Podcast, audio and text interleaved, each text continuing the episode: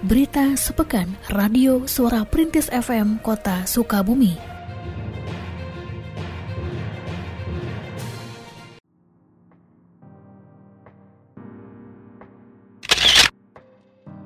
Memperingati Hari Kemerdekaan Republik Indonesia ke-76, Kecamatan Warudoyong bersama Palang Merah Indonesia PMI Kota Sukabumi menggelar kegiatan donor darah pada hari Senin 16 Agustus 2021 di kantor Sekretariat Perhimpunan Indonesia Tionghoa INTI yang berlokasi di Danalaga Square. Camat Warudoyong, Ratna Hermayanti, mengatakan bahwa kegiatan donor darah tersebut rutin diselenggarakan oleh PMI dan Kecamatan Warudoyong.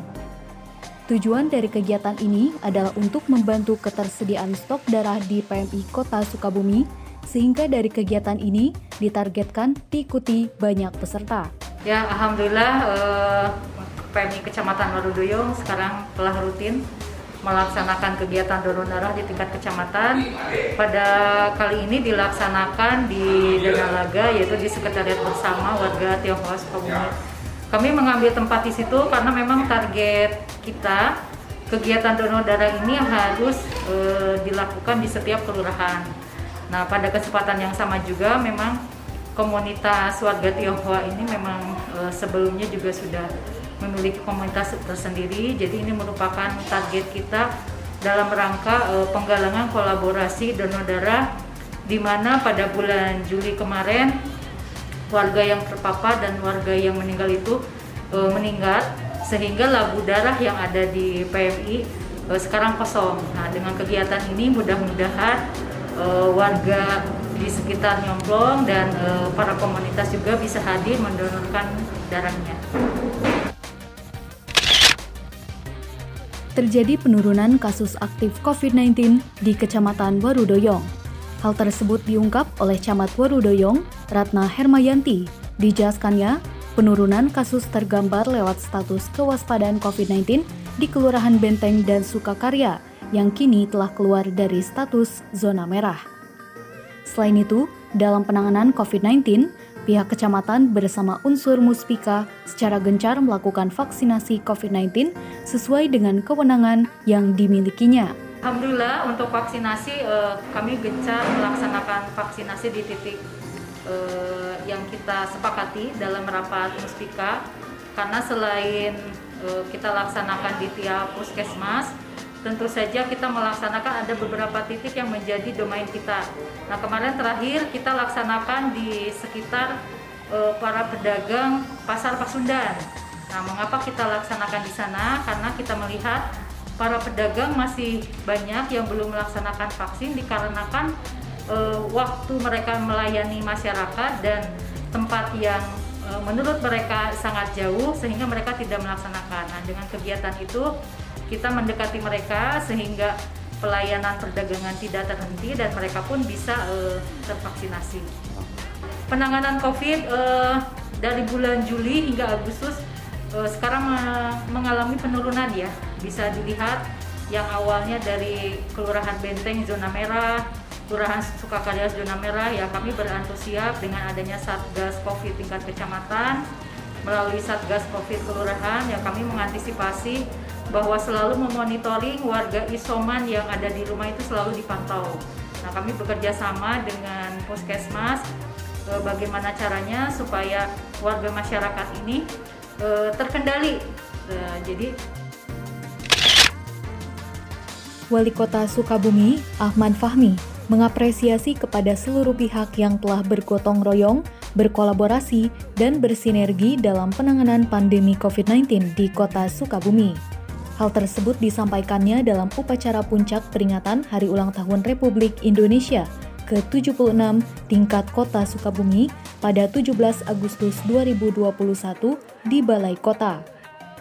Dalam kesempatan tersebut, Wali Kota menyampaikan perkembangan penanganan COVID-19 yang dinilai menggembirakan karena tingkat kesembuhan pasien COVID-19 mencapai 92,7 persen dan status kewaspadaan di kota Sukabumi saat ini berada pada zona oranye atau resiko sedang. Selain itu, proses vaksinasi telah diikuti 99.589 orang untuk dosis pertama dan 52.690 orang di antaranya telah mendapatkan dua dosis vaksin. Adapun tenaga kesehatan yang telah mendapatkan dosis ketiga atau booster sebanyak 262 orang. Wali kota juga memberikan apresiasinya secara khusus kepada para tenaga kesehatan karena dalam konteks kepahlawanan saat ini, mereka telah berjuang di garda terdepan melawan pandemi COVID-19 yang masih terjadi hingga saat ini. Wali kota mengharapkan momen peringatan Hari Ulang Tahun RI tahun ini bukan hanya memperingati kemerdekaan dari penjajahan, merupakan momen kemerdekaan bangsa Indonesia terbebas dari pandemi COVID-19. Pertama, di kemerdekaan tahun ini adalah tahun kedua kita mengalami pandemi COVID. Jadi tetap kita berharap semoga kita juga merdeka dari wabah COVID ini. Sehingga baik eh, ekonomi, baik pendidikan, baik kesejahteraan masyarakat bisa meningkat di kemerdekaan yang ke di, di tahun 2020. Penanganan COVID secara data dan fakta terjadi penurunan-penurunan, tetapi ini yang juga kami sampaikan ke pemerintah pusat, semoga dengan penurunan dan terkendalinya penanganan COVID di Kota Sukabumi mampu menurunkan level kedaruratan yang ada di wilayah Kota Sukabumi. Pada peringatan Hari Ulang Tahun Republik Indonesia ke-76, sebanyak 276 orang tahanan lapas kelas 2B Kota Sukabumi mendapatkan remisi atau pengurangan masa hukuman dari Kementerian Hukum dan HAM. Pemberian remisi tersebut dilaksanakan pada hari Selasa, 17 Agustus 2021 dan dihadiri oleh Wali Kota Sukabumi, Ahmad Fahmi. Wali Kota dalam keterangan persnya menyampaikan bahwa remisi yang diberikan kepada warga binaan lapas harus disyukuri dan dimanfaatkan sebaik-baiknya. Ia mengharapkan mereka menjadi duta kebaikan di tengah-tengah masyarakat. Sementara itu, Kepala Lapas Kelas 2B, Kristo Victor, mengatakan bahwa syarat umum seseorang mendapatkan remisi adalah berkelakuan baik dan mengikuti pembinaan yang dilaksanakan di lapas. Adapun remisi yang diberikan di antaranya remisi satu bulan kepada 38 orang, remisi 2 bulan kepada 40 orang, dan remisi 3 bulan yang diberikan kepada 110 orang. Selanjutnya, 62 orang mendapatkan remisi 4 bulan, 25 orang lainnya mendapatkan remisi 5 bulan, dan seorang warga binaan mendapatkan remisi 6 bulan. Secara total, remisi diberikan kepada 276 orang. Ya, terima kasih. Jadi dari total 508 narapidana dan tahanan yang ada di tempat ini, jumlah narapidanya 359 dan yang mendapatkan remisi itu 276. 276 orang, 275 remisi umum eh, satu dan remisi umum dua itu satu orang dan langsung bisa pulang hari ini. Setelah ini uh, orangnya bisa segera kita langsung keluarkan ada peraturan ada peraturan Menteri Hukum dan HAM yang mengatur tentang remisi. Tetapi syarat utamanya untuk seorang mendapatkan remisi itu adalah dia berkelakuan baik dan mengikuti kegiatan pembinaan yang ada dalam lapas. Kegiatan pembinaan itu berupa kegiatan pembinaan kepribadian maupun kemandirian dari segi dia bisa beribadah, dia rajin beribadah, kemudian dia mengikuti juga kegiatan-kegiatan yang kita berikan kepada mereka untuk mempersiapkan supaya ketika dia keluar dia punya skill untuk bisa misalnya dia bisa membuat bakso atau dia bisa membuat kue ataupun dia bisa menjahit. Jadi ketika dia keluar ke masyarakat uh, dia bisa um, memper uh, kuat dirinya supaya dia bisa diterima masyarakat dan bisa hidup. Palang Merah Indonesia PMI Kota Sukabumi menggelar kegiatan orientasi dan pembekalan untuk penguatan respon masyarakat dengan materi pengendalian kejadian luar biasa atau KLB untuk para relawan siaga bencana berbasis masyarakat atau SIBAT pada hari Kamis 19 Agustus 2021 bertempat di Kelurahan Cisarua. Ketua PMI Kota Sukabumi, Suranto Somowiryo menjelaskan penguatan kapasitas masyarakat perlu dilakukan untuk memaksimalkan upaya respon pengendalian khususnya menghadapi pandemi COVID-19 saat ini utamanya dalam hal pencegahan, deteksi dini, dan aksi dini di wilayah. Dijelaskan pula bahwa kegiatan yang dilaksanakan selama dua hari ini didukung pendanaan dari Korea International Cooperation Agency atau KOICA. Sementara itu, dalam pelaksanaan orientasi pembekalan materi pengendalian kejadian luar biasa atau KLB ini, pihaknya melibatkan sejumlah relawan aktif yang tergabung dalam siaga bencana berbasis masyarakat atau SIBAT di dua kelurahan, yaitu Kelurahan Cisarua dan Benteng. Hari ini Alhamdulillah kita bisa melaksanakan kegiatan orientasi dan uh, pembekalan pengendalian uh, kejadian luar biasa KLB ya. Kita dipercaya oleh uh, PMI pusat untuk melaksanakan itu uh, kemudian dilaksanakan oleh teman-teman Sibat di dua kelurahan pertama di Kelurahan Cisarua yang kedua Kelurahan Benteng.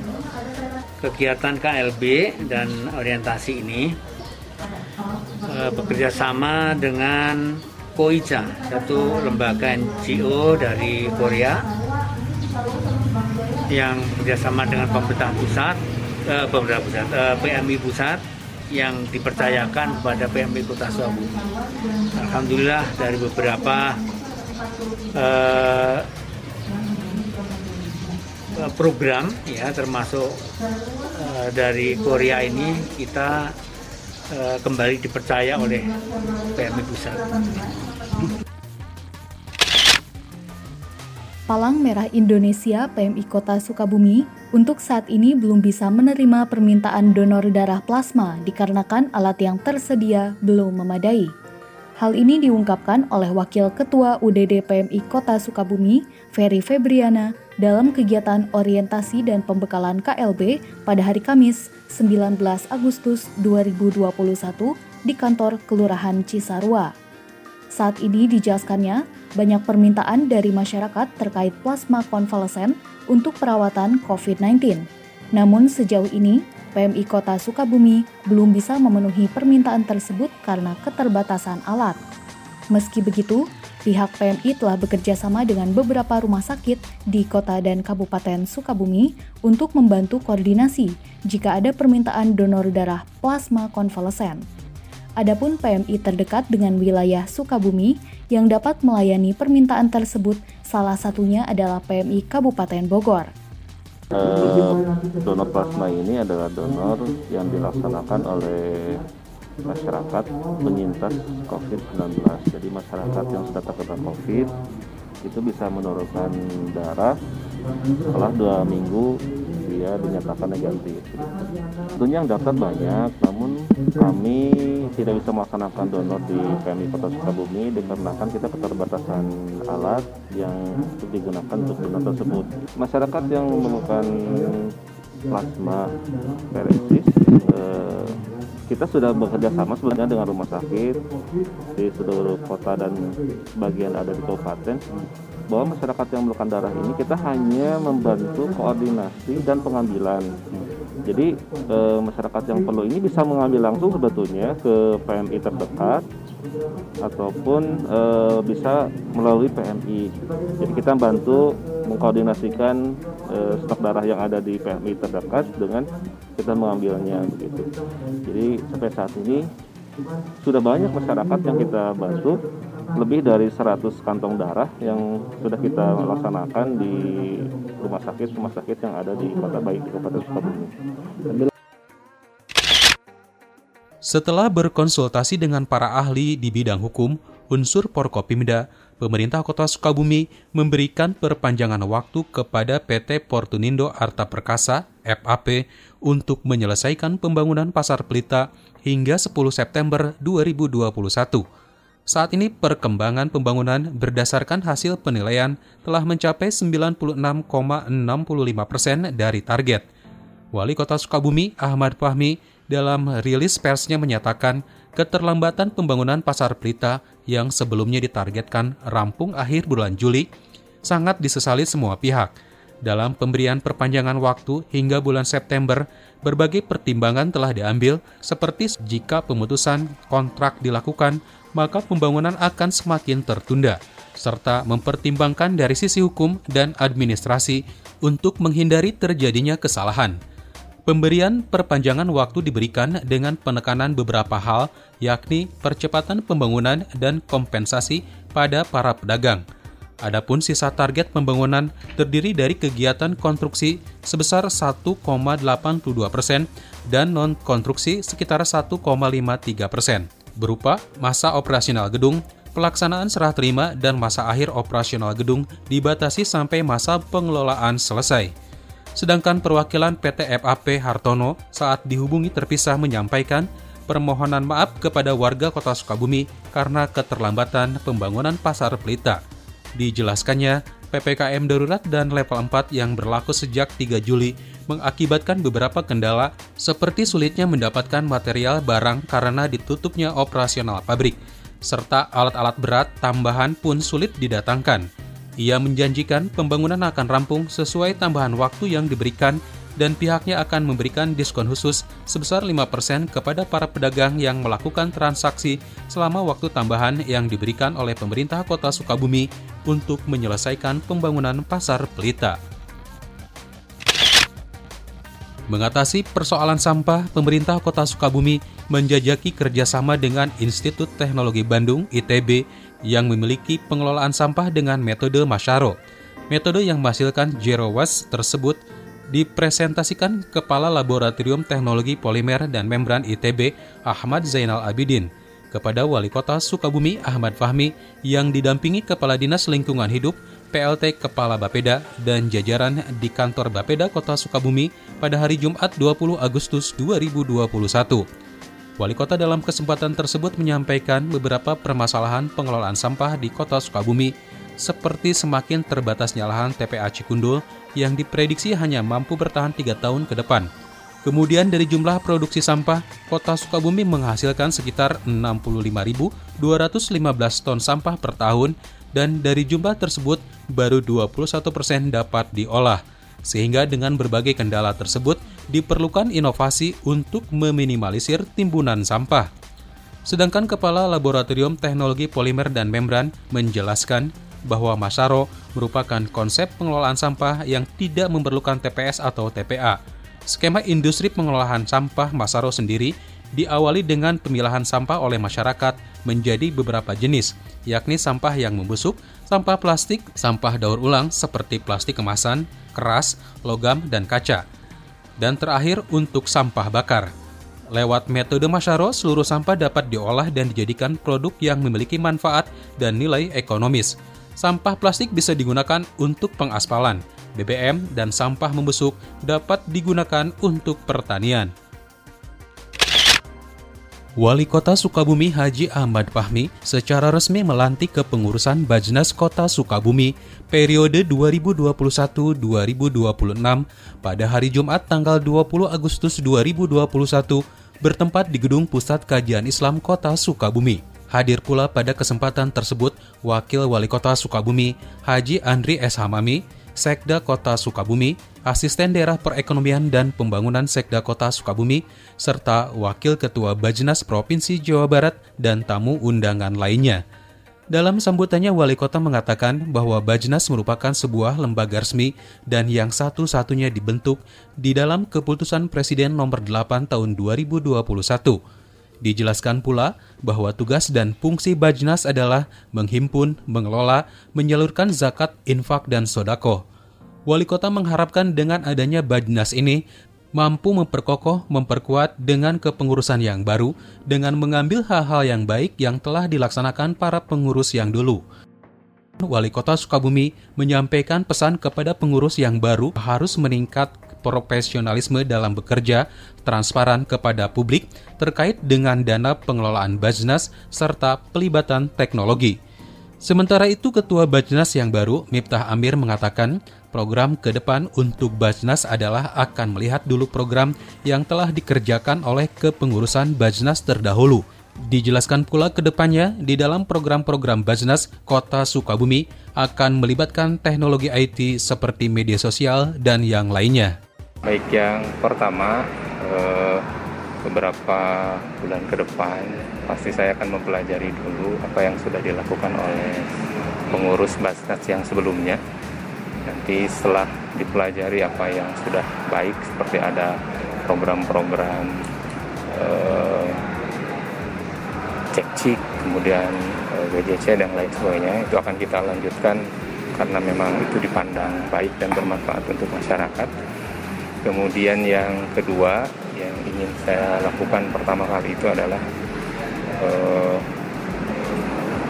pembenahan database karena memang tugas Basnas itu kan sebetulnya hanya menghimpun kemudian menyalurkan kepada yang berhak.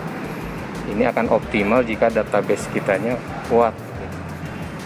Di kota Sukabumi yang hari ini sudah tercapai itu penghimpunan di kisaran 5,8 sampai 7 miliar tapi kalau dihitung potensi itu bisa di atas 15 miliar